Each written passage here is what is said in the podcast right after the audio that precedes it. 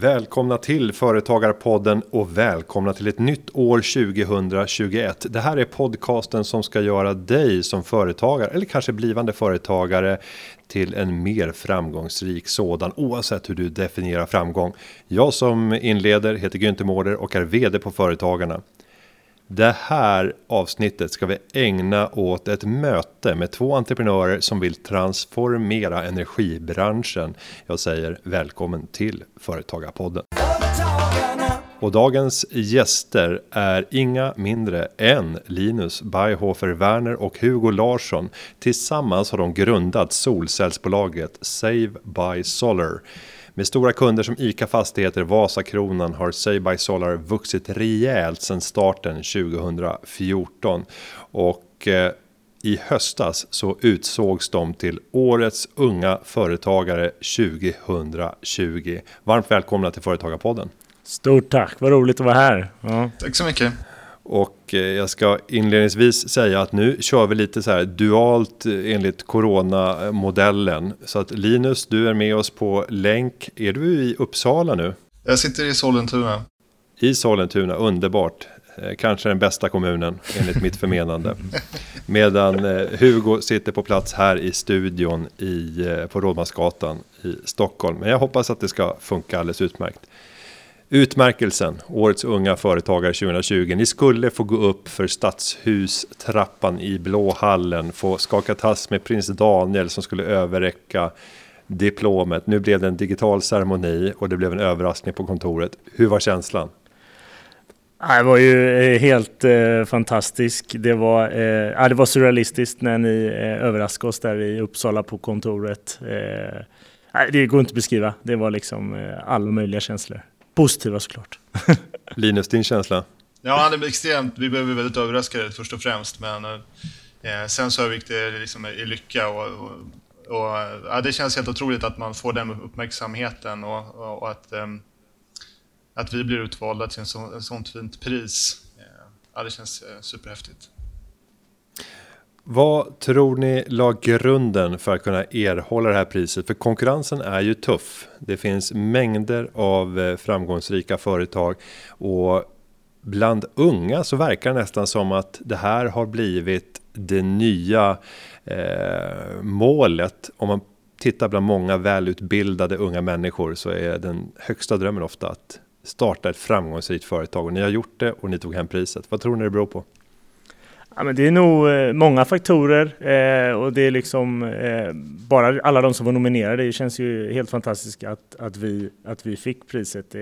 Men, men jag tror att vi har varit väldigt fokuserade sedan dag ett. Vi brukar ofta säga det på just att arbeta efter våra värderingar och arbeta väldigt värderingsstyrt och inte släppa på det. Hur än eh, kanske vissa olika förutsättningar förändras. Eh, så att eh, vi har ett tydligt mål. Eh, vi ligger ju rätt i tiden. Det är ju fel att säga annat med tanke på utmaningar som finns i världen. Så att det har ju hela tiden styrt oss. Men just värderingsdrivet tror jag har varit en viktig faktor för att hitta rätt medarbetare och även symboliskt mot kunder och andra.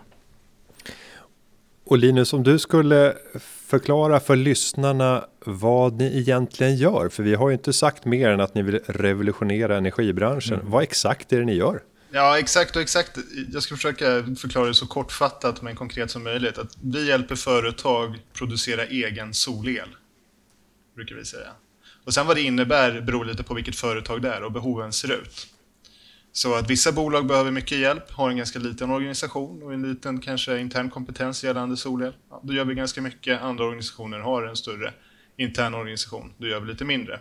Huvudsyftet är att vi ska kunna tillhandahålla eh, en tjänst som passar alla kommersiella fastighetsbolag så att vi kan hjälpa dem att producera egen solel. Och om man då är ett företag som själv tänker att eh, borde inte vi installera solceller? Låt oss säga att man Eh, är en, en relativt liten verksamhet, man är tio anställda, man har en verksamhetslokal.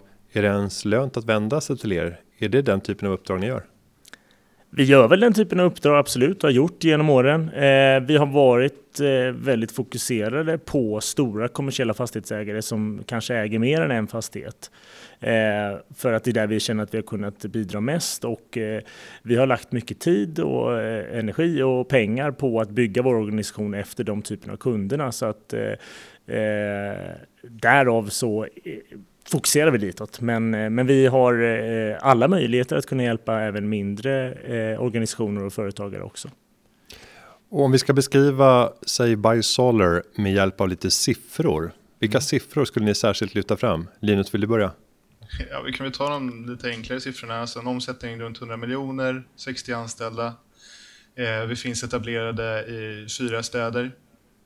Eh, vi, täcker, eh, vi säger att vi täcker hela Sveriges yta från Gävle och neråt i huvudsak, men vi kan göra projekt norr om Gävle också. Mm. Vilka siffror skulle du komplettera med Hugo? Ja, nej, men det, det symboliserar väl liksom de, eh, de praktiska eh, siffrorna. Sen, eh, sen har vi ju helt andra siffror om man tittar på CO2-besparingar och annat som man kan lyfta fram, hur vi har påverkat driftnetton i kommersiella fastigheter genom att minska deras elkostnader. Sådana siffror kan man ju spekulera eh, vilt inom och det är kanske sånt som man, när man tittar djupare, det som ska driva eh, oss som företagare och alla medarbetare så, hur vi faktiskt påverkar, mer än eh, omsättning och om man då tittar på er kundlista så finns det alltid från ICA Fastigheter, Vasakronan, Klövern. Det är många gigantiska fastighetsägare. Jag kan tänka mig att kraven för att få bli en leverantör där är stenhårda. Hur lyckas ja. man? Ja, nej men eh, jag tror att vi från tidigt så har vi haft inställningen att vi ska eh, bli liksom, vad ska man säga, vänner med våra kunder eller i alla fall hålla dem i hand, gå hand i hand och, och tillsammans hitta bästa lösningar. Det var så vi började, att vi ringde dem. Vi sa vi, vi tar upp en lista på de 50 största fastighetsägarna och så ringer vi alla dem och så frågar vi varför har ni inte solceller? Hur kan vi hjälpa er? Och baserat på det så byggde vi vår affärsmodell egentligen. Eh, och sen har vi jobbat tillsammans med dem och vuxit tillsammans med dem. Eh, och så när de säger att ja, vi vill ha detta, men då ser vi till att lösa det. Fast kanske på en liten twist då. Eh, och på så sätt så har vi eh, lyckats komma in hos dem. Och sen har vi behövt, eh, sen har vi jobbat jättemycket internt med, att, med andra saker som kanske inte de lyfter fram. Vi har ISO-certifierat oss enligt kvalitet 9001. Det är en väldigt viktig sak för oss för att vi ska kunna fortsätta växa med, med den rörelsen vi bedriver idag och andra rörelser som vi vill addera. Så att det finns massor med sådana här saker som man kanske är mer en skönhetsfaktor men viktigt också. Och Linus, finns det något ögonblick där det verkligen var en känsla av att ni hade eh, så här make or break, ett, ett riktigt mm. tillfälle då ni kände att mm. det, här, det här flyger. Mm. Finns det någon sån berättelse? det, finns väl, det finns många sådana berättelser skulle jag säga som skett genom tiden, liksom, i alla steg vi har tagit. Eh, men ett väldigt tydligt sådant, det var ju när vi hade grundat bolaget i början. Eh, och vi hade byggt några referensprojekt för lite personer som vi kände direkt eller indirekt. Eh, och, men vi inte hade sålt en, en ren affär till en aktör som vi inte hade tidigare eh, relation till. Eh, och då hade vi eh, en tillfälle där vi sa att ja, men här behöver vi ha det på plats för att vi ska kunna tro på den här verksamheten och så här långt räcker pengarna också som vi har fått in. Vi fick ju in en liten slant i början. Liksom. Så det var väldigt viktigt att få in de här första affärerna som var mer objektiva, där det kom in en kund som inte hade eh, liksom ett förtroende för oss personligen, utan liksom trodde på produkten och vår lösning i sig. Eh, och eh, då tog det lite längre tid och det var väldigt jobbigt. Det var, här var i början på 2016. Eh, och, eh, men vi fick in den affären och det var, det var faktiskt ehm, eh, Järna Trä i Södertälje som vågade satsa och tro på oss. Eh, så det tackar vi väldigt mycket för, att vi fick det förtroendet. Det kändes, mm. Eh, det är det som jag minns som allra tydligaste sånt steg som vi har tagit och som viktig händelse som skett eh, för oss. Och efter det så, 2016 blev ju ett, ett år där vi fick sen lite löpande affärer. Vi byggde Castellums största anläggning senare på året, så att det tog fart ganska snabbt därefter faktiskt. Och sen tänker jag mig att när man väl har fått in den första större aktören så kommer det även om det inte borde vara med nödvändighet, en typ av stämpel mm. eh, som används av alla andra aktörer. Har de köpt? Ja, men då måste det vara helt okej okay för oss att köpa eller? Mm. Ja, jag menar det är ju det är en trygghet för den som beställer också. Den som beställer behöver ju säkerställa mot sina kanske chefer eller investerare eller vad det nu kan vara att, att de har gjort ett, ett bra beslut. Och då blir det en säkerhetsstämpel att, att ja, men vadå, kolla Castellum, största fastigheten, de köpte ju de här. Det är klart att jag kan göra det också då och ändå hålla min rygg liksom någorlunda eh, covered så att säga. Eh, och det, det säger ju rätt mycket och det har ju hjälpt oss. Alltså vi, det tar lång tid att komma in hos en kund men när man väl är inne så, så, och man sköter sig väl så, så ger det ringar på vattnet, absolut, eh, hos de här stora aktörerna. Mm. Om vi tittar utifrån kundperspektivet så är det lätt att se affären. Det blir eh, att man gör en, en, större beställning, det blir en investeringspuckel och sen genererar den en typ av eh, årlig avkastning genom sänkt eh, energikostnad och också massa positiva effekter av minskat koldioxidutsläpp och, och annat. Eh, affären för er del, är det en engångsaffär eller kan man hitta återkommande intäkter på redan installerade projekt? Nej, men, eh, det är en väldigt bra fråga och relevant. Alltså, delvis har vi ju, vi har ju vad vi kallar för partnerskap med många kunder där vi jobbar med dem över hela deras bestånd. Så att vi är återkommande, eftersom vi jobbar också med de stora fastighetsägarna, återkommande affärer på själva entreprenaden, att vi får bygga fler solcellssystem. Sen har vi när vi väl har byggt så har vi också en, vi har en helhetstjänst och ett helhetsgrepp på det, vilket betyder att vi också kommer hantera förvaltningen. Så vi har en förvaltningsprodukt också, där vi hjälper dem att ta hand om systemet över ja, i princip hela livstiden, vilket är över 25 år. Då. Så vi hjälper dem att eh, eh, underhålla det och vi hjälper dem att hantera fel som uppstår. Vi hjälper dem att administrera det också eh, och, och skicka in eh, rapporter till Energimyndigheten och så vidare. Så de, om de vill så behöver de inte göra någon hantering alls, vi kan sköta allt åt dem. Och för det så tar vi också en avgift som är liksom, årlig, eh, som de betalar. Och det, det, är ju liksom något som man eh, hörde när vi startade bolaget att eh, ja, men solceller de har 25 års garanti, effektgaranti eh, och de sitter bara där, de funkar. Men det vi har märkt, liksom, eller det vi vi har aldrig trott det heller, vi var aldrig så naiva, men man, man inser det ytterligare när man, vi har ju väldigt mycket system utspridda över Sverige idag som vi har hand om. Och man ser, de lägger av titt som tätt. Och då måste någon ha ansvar för det det är inte lika tydligt eh, som ett vindkraftverk, det ser man om det inte funkar. Men en solcell ser man inte om den inte fungerar. Och då måste man ha ett, ett bra och smart och ett effektivt sätt att följa upp det och se till så att det fungerar som det ska. Och då lägger många det ansvaret på oss, att vi ska se till så att det funkar som det ska. För att det man behöver är att den ska producera el för sin ekonomi och för klimatet. Så att, eh, och sen går jag in i relationen som potentiell köpare och så tänker jag ni kommer med en utfästelse om 25 års eh, livslängd. Och då försöker jag tänka tillbaka så här 25 år mm. i tiden bara för att relatera till så här, 1995. Tänk om jag hade köpt solceller av en aktör 1995 eller 96 nu då får man väl säga. Jag är inte helt säker på att verkningsgraden i de här eh, solcellerna som då kanske var kiselbaserade, inte tunnfilm Eh, att de hade varit fruktansvärt dyra och oerhört ineffektiva. Hur ser ni på utvecklingen framåt? Jag misstänker att utvecklingen kommer gå ännu snabbare än vad den har gjort under de senaste 25 åren, för de kommande 25 åren. Mm. Alltså, det, det, det, är svårt att säga exakt om framtiden, så att det får ju den avgöra. Visst, om man tittar tillbaka 25 år så, så är det stor förändring som har skett. Eh, det som var det största, eh, som är liksom mest talade emot att köpa solceller på den tiden var ju att det var väldigt dyrt i förhållande till den elen du fick ut.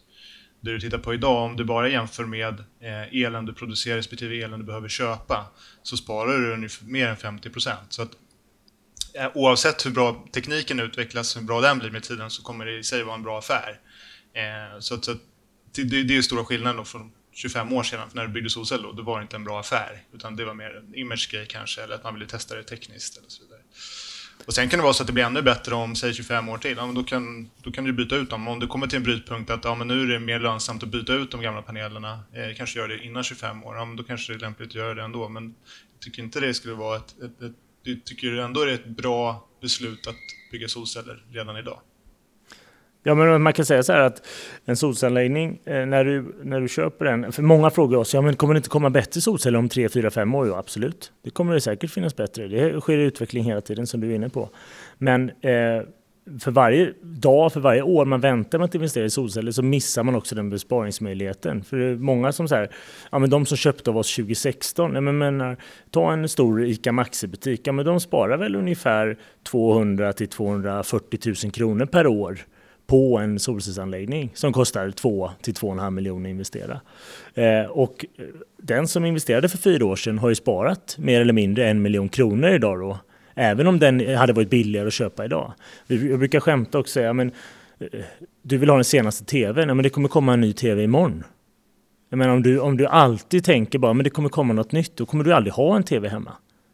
Alltså det är så man hela tiden måste tänka, att jag menar, det kommer ske förändring hela tiden, men man måste se det ur ett större perspektiv tror jag. Så att, eh, mm. Och då tänker jag ju en drömmodell för mig som konsument, det skulle ju vara att jag inte behövde äga solcellerna utan de facto lisa dem. Mm. Och jag skulle stå beredd att lisa bort nästan hela min besparing för att jag får massa andra positiva värden. Mm. Och låt oss säga att man för en sån där anläggning på 2,5 miljon, vi pratade om ett ICA Maxi-tak som gav en besparing på 200 000 i förväntan, men en avkastning på en 8-9 procent. Eh, I det läget då att säga att ja, men jag får lisa den här för 100 80 000. Mm. Eh, så vi går ner på en, en avkastning på 7 procent då. Eh, men, eller, i, i det läget hade inte det kunnat vara en väldigt spännande modell för er? Det hade ju med råge kunnat täcka den avskrivningstakt som finns på utrustningen och dessutom kunna säkerställa att man kan byta ut tekniken. Mm. Och, och byter ni ut tekniken så blir det en ännu högre besparing och då kommer ni tjäna bättre pengar. Jo, jag är helt med Du är helt rätt på det. Eh, det var faktiskt vår idé från början när vi startade bolaget att vi skulle äga alla anläggningar och sälja elen. Eh, och så får de en lit, liten, liten besparing, men vi, vi tar liksom betalt genom att lisa ut eller sälja via PPA-avtal. Det är en väldigt vanlig modell utomlands och sker även i Sverige delvis.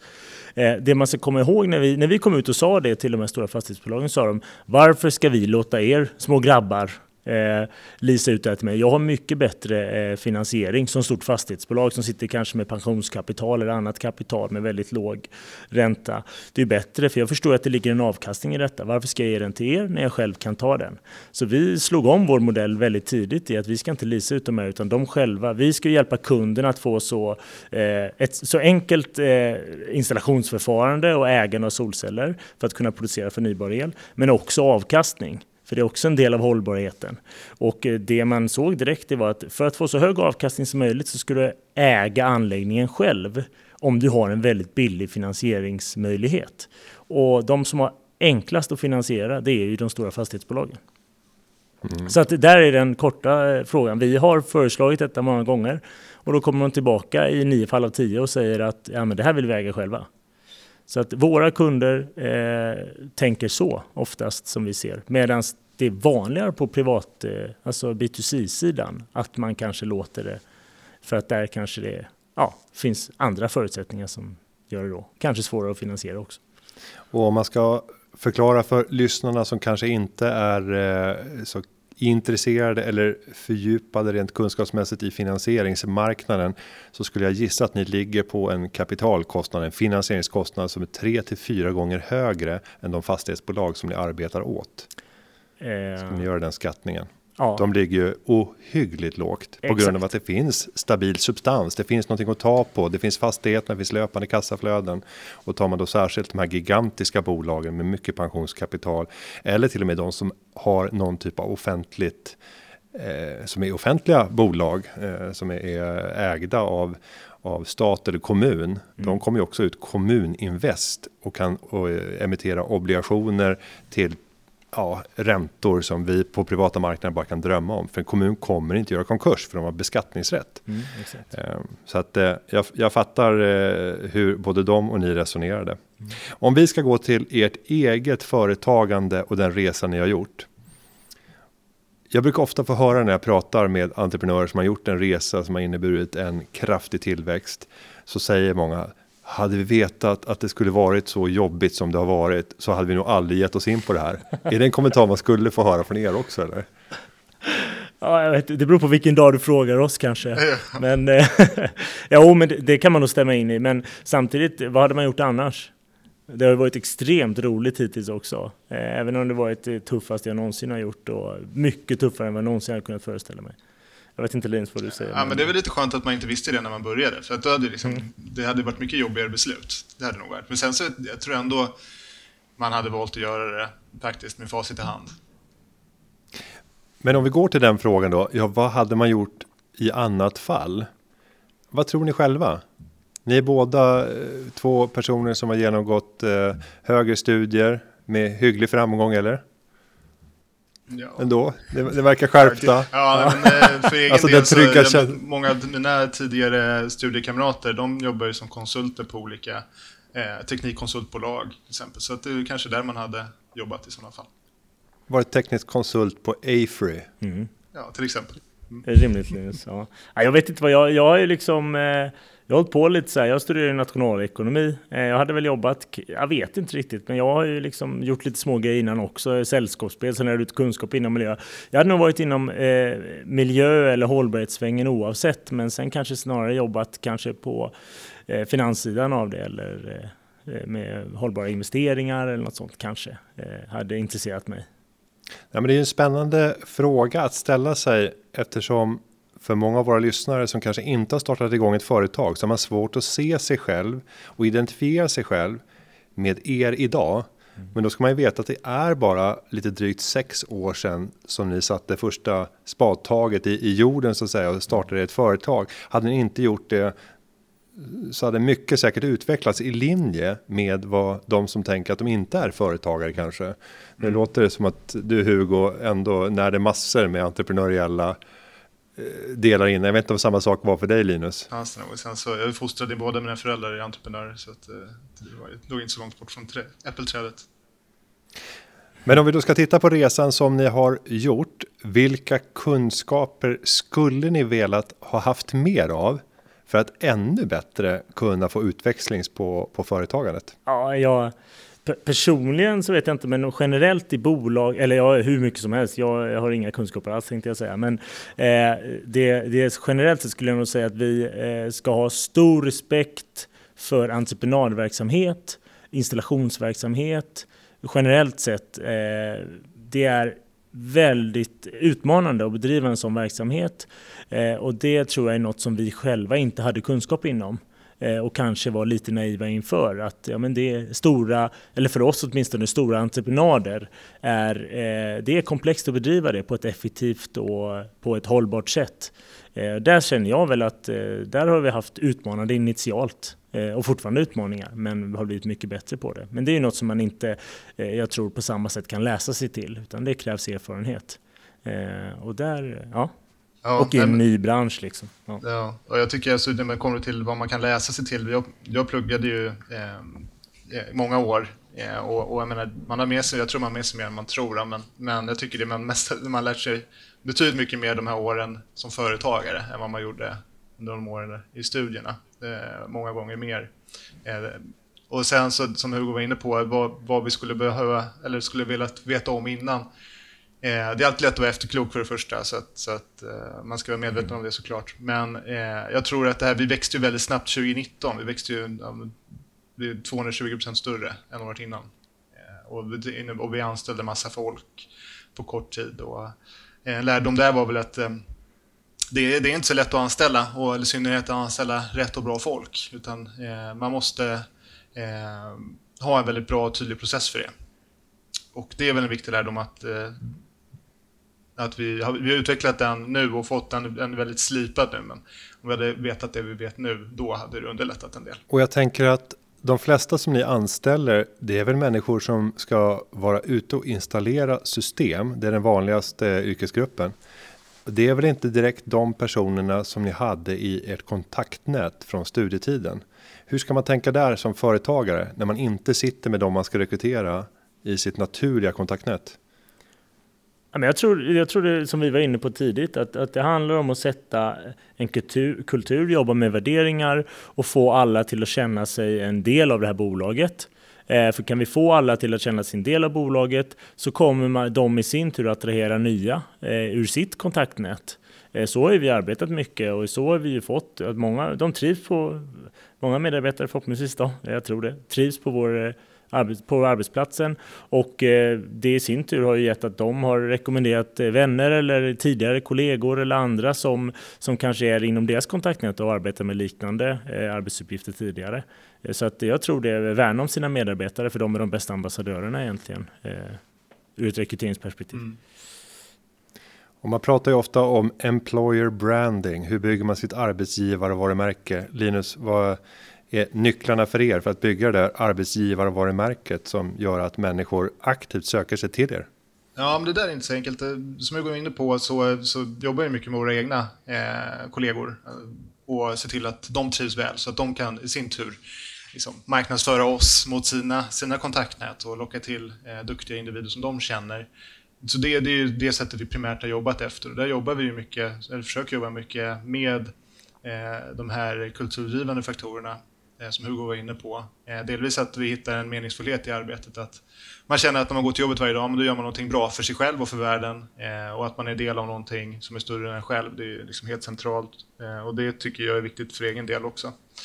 Ehm, och, och förhoppningsvis om vi skapar en sån kultur där man, där man trivs bra och man har en meningsfullhet och man känner att man utvecklas i jobbet och man får stödet man vill ha och, och, och så vidare så, så kommer man också att tala gott om företaget och, och, och locka in de personer som man känner i sitt kontaktnät som, som är duktiga.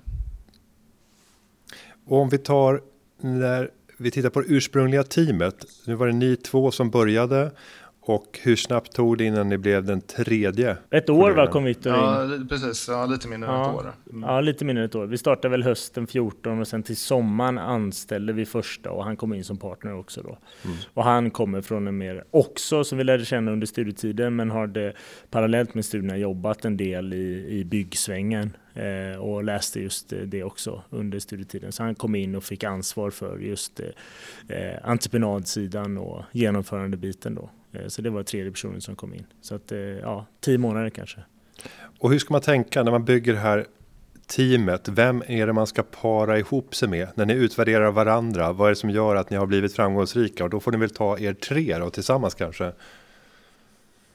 Mm. Ja, vä väldigt olika alla tre. Eh, om man tittar på oss. Eh, vi, varit, vi är väldigt olika, både som personer men också i vår yrkesroll. Vi besitter olika typer av eh, kunskaper och förmågor. Eh, och det är något som har varit en framgångsfaktor skulle jag säga, för att man kompletterar varandra på ett väldigt bra sätt. Det hör man ju ofta, att man ska försöka ha olika eh, liksom individer.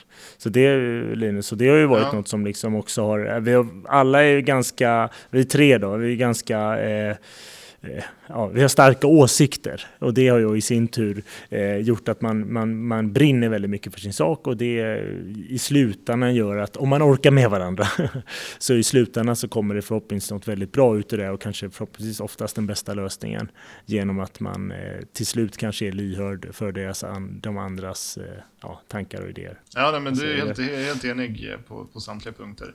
Eh, nej, men, som du sa, alla är väldigt bestämda och har, sin, men, och liksom har sin, sina perspektiv. Och vi har ganska olika perspektiv, så jag tror att det kan vara bra. Vi kompletterar varandra där.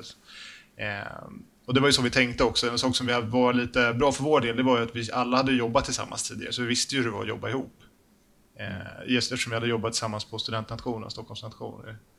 Eh, så, så att det var ju barriären att komma igång var ganska låg. Eh, så vi visste ju att, eftersom vi visste att eh, vi kunde samarbeta.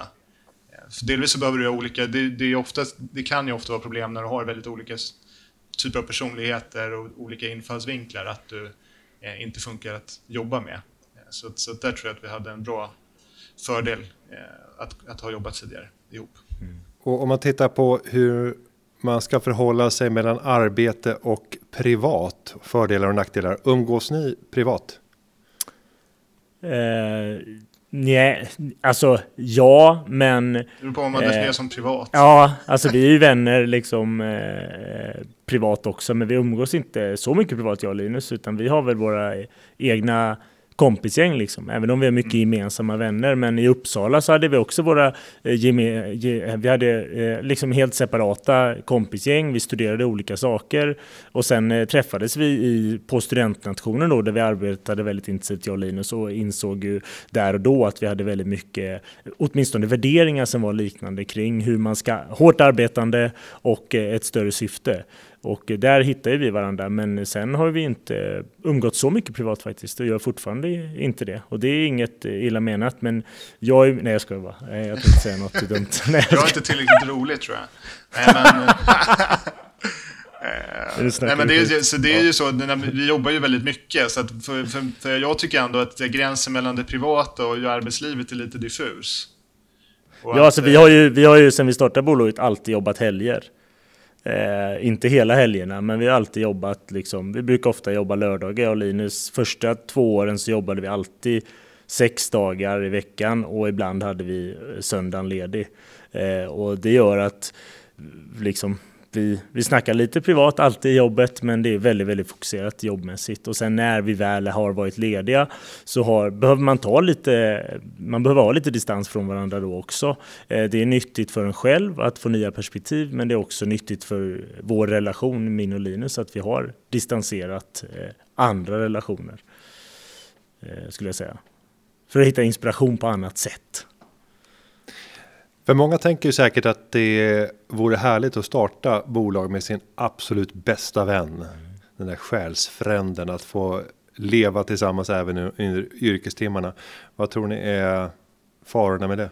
Ja, men jag, jag tror att det, det, är nog komplicerat. Det kanske kan gå i vissa fall. Alltså jag, av egen erfarenhet, min mamma och pappa drev företag ihop.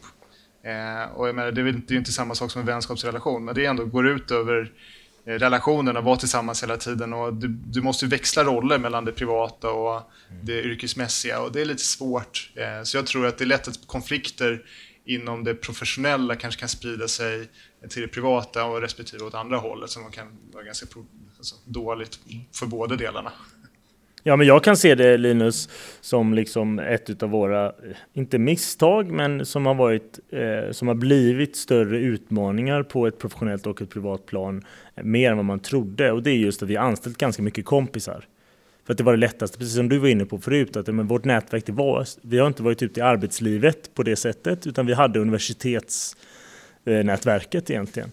Och det var att våra, de flesta första anställningar vi gjorde var från universitetet, från våra vänner därifrån som vi visste, ja men han är ju grym, hon är ju väldigt duktig. Det är klart att vi ska försöka få med den personen tidigt nu.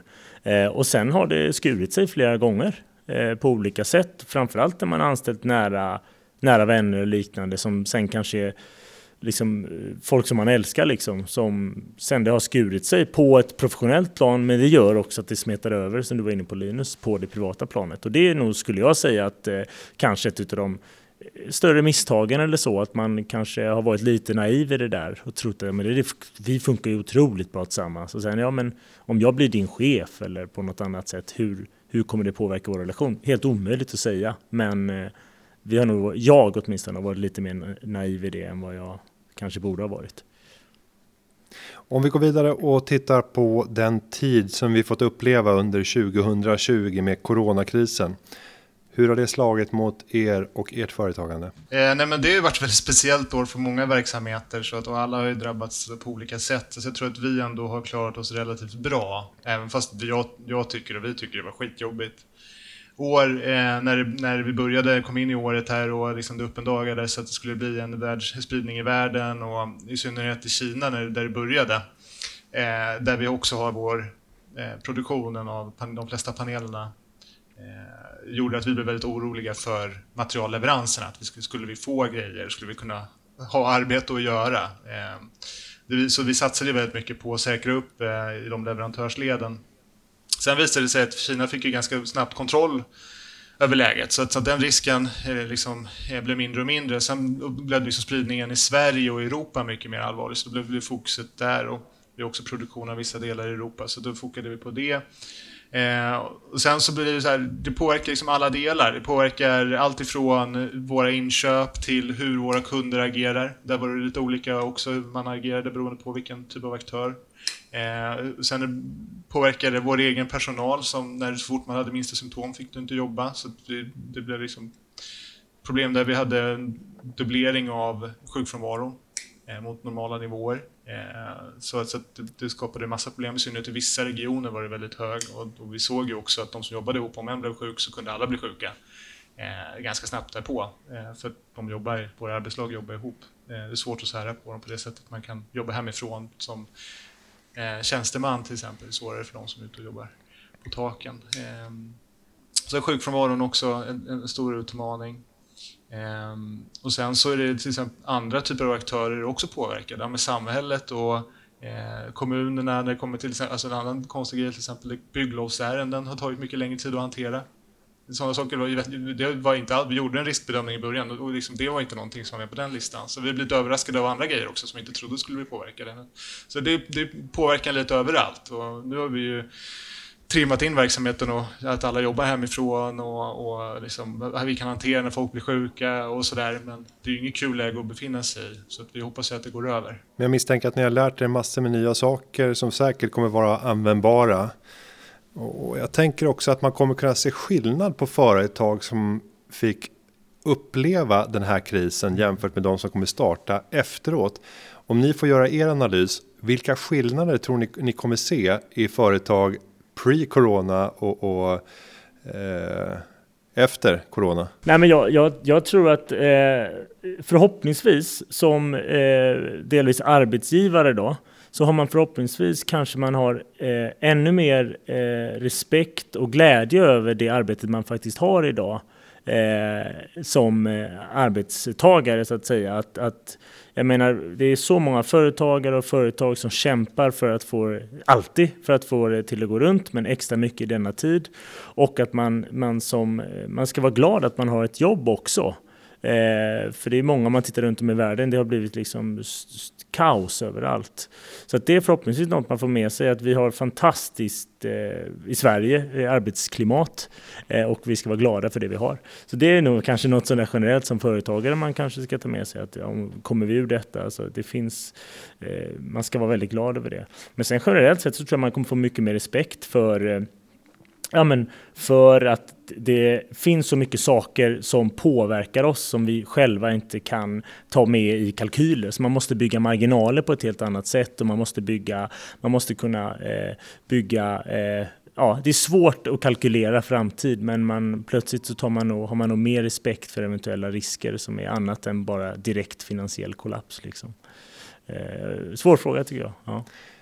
När vi gjorde segerintervjun i anslutning till livesändningen av Företagarna live när vi hade prisutdelningen av årets unga företagare så ställde jag också frågan när kommer ni befinna er överst på prispallen i årets företagare? Och vi satte ett årtal, var det 2025 eller var det 2030?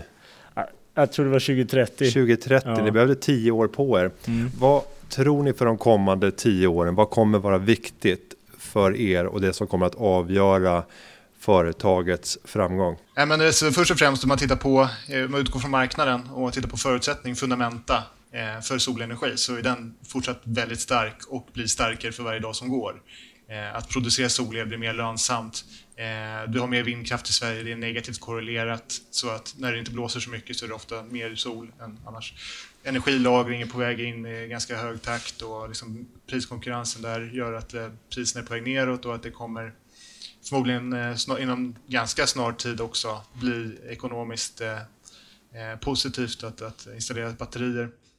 Så det kommer också driva marknaden, så att liksom fundamentet i marknaden är superpositiv. Eh, och sen om man tittar på oss som företag och vår positionering, vi tror ju att vi har en bra positionering. Så att vi, vi tror att vi, vi, jobb, vi vill jobba nära de här stora aktörerna, vi vill tillhandahålla de tjänster de behöver för att kunna producera solel i framtiden, lagra solel eh, och på ett effektivt sätt. Eh, så att de kan förbättra sina driftnetton, eh, hjälpa dem att eh, göra lösningar så deras hyresgäster kan ta eh, nytta av solelen som produceras och så vidare. Så att eh, det finns eh, goda förutsättningar på marknaden. Vi tycker att vi har en bra, såklart, lösning eh, och positionering. Ja, alltså jag tror att vad vi liksom sammanfattningsvis så vill vi fortsätta växa med våra kunder. Vi har inte så många kunder och vi vill fortsätta växa med dem. Eh, och det är det vi ska göra och där har vi, vi har byggt mjukvara sedan flera år tillbaka. Vi vill fortsätta utveckla den. Eh, den med hjälp av den så kan vi eh, skapa ganska mycket nya, eh, både intäktskällor men också besparingsmöjligheter för de här stora fastighetsägarna. Och tillsammans med dem kan vi hitta nya smarta lösningar som de, själv, som de också sen vill betala för.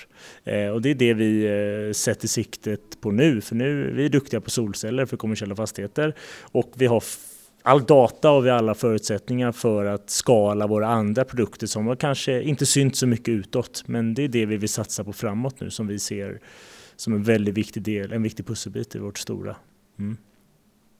Ja, från min horisont så ska det bli väldigt spännande att få fortsätta följa er resa och jag skulle gladeligen stå nästa gång då på Stadshustrappan för att dela ut priset till årets företagare till en tidigare vinnare av årets unga företagare. Men redan i oktober 2021 så kommer ni ändå få uppleva prisceremonin på riktigt i annat än i digital form. Oh, wow. Och jag vill säga ett stort tack för att ni eh, tog er tid och deltog i Företagarpodden, det första avsnittet för 2021. Smaka på det året. Nu lägger vi det där skitåret bakom oss och laddar om. Stort tack Linus och Hugo, Save by Solar. Tack så jättemycket för att vi fick vara med. Och jag ska säga att det finns en längre intervju med Linus och Hugo på företagarna.se och som också är publicerad i tidningen Företagaren. David Hagen heter han som har förberett underlaget för dagens podd och klippningen den är som vanligt gjord av Petra Cho. Vi hörs igen nästa vecka. Ha det så gott. Hej då! Yeah, yeah, yeah, yeah, yeah,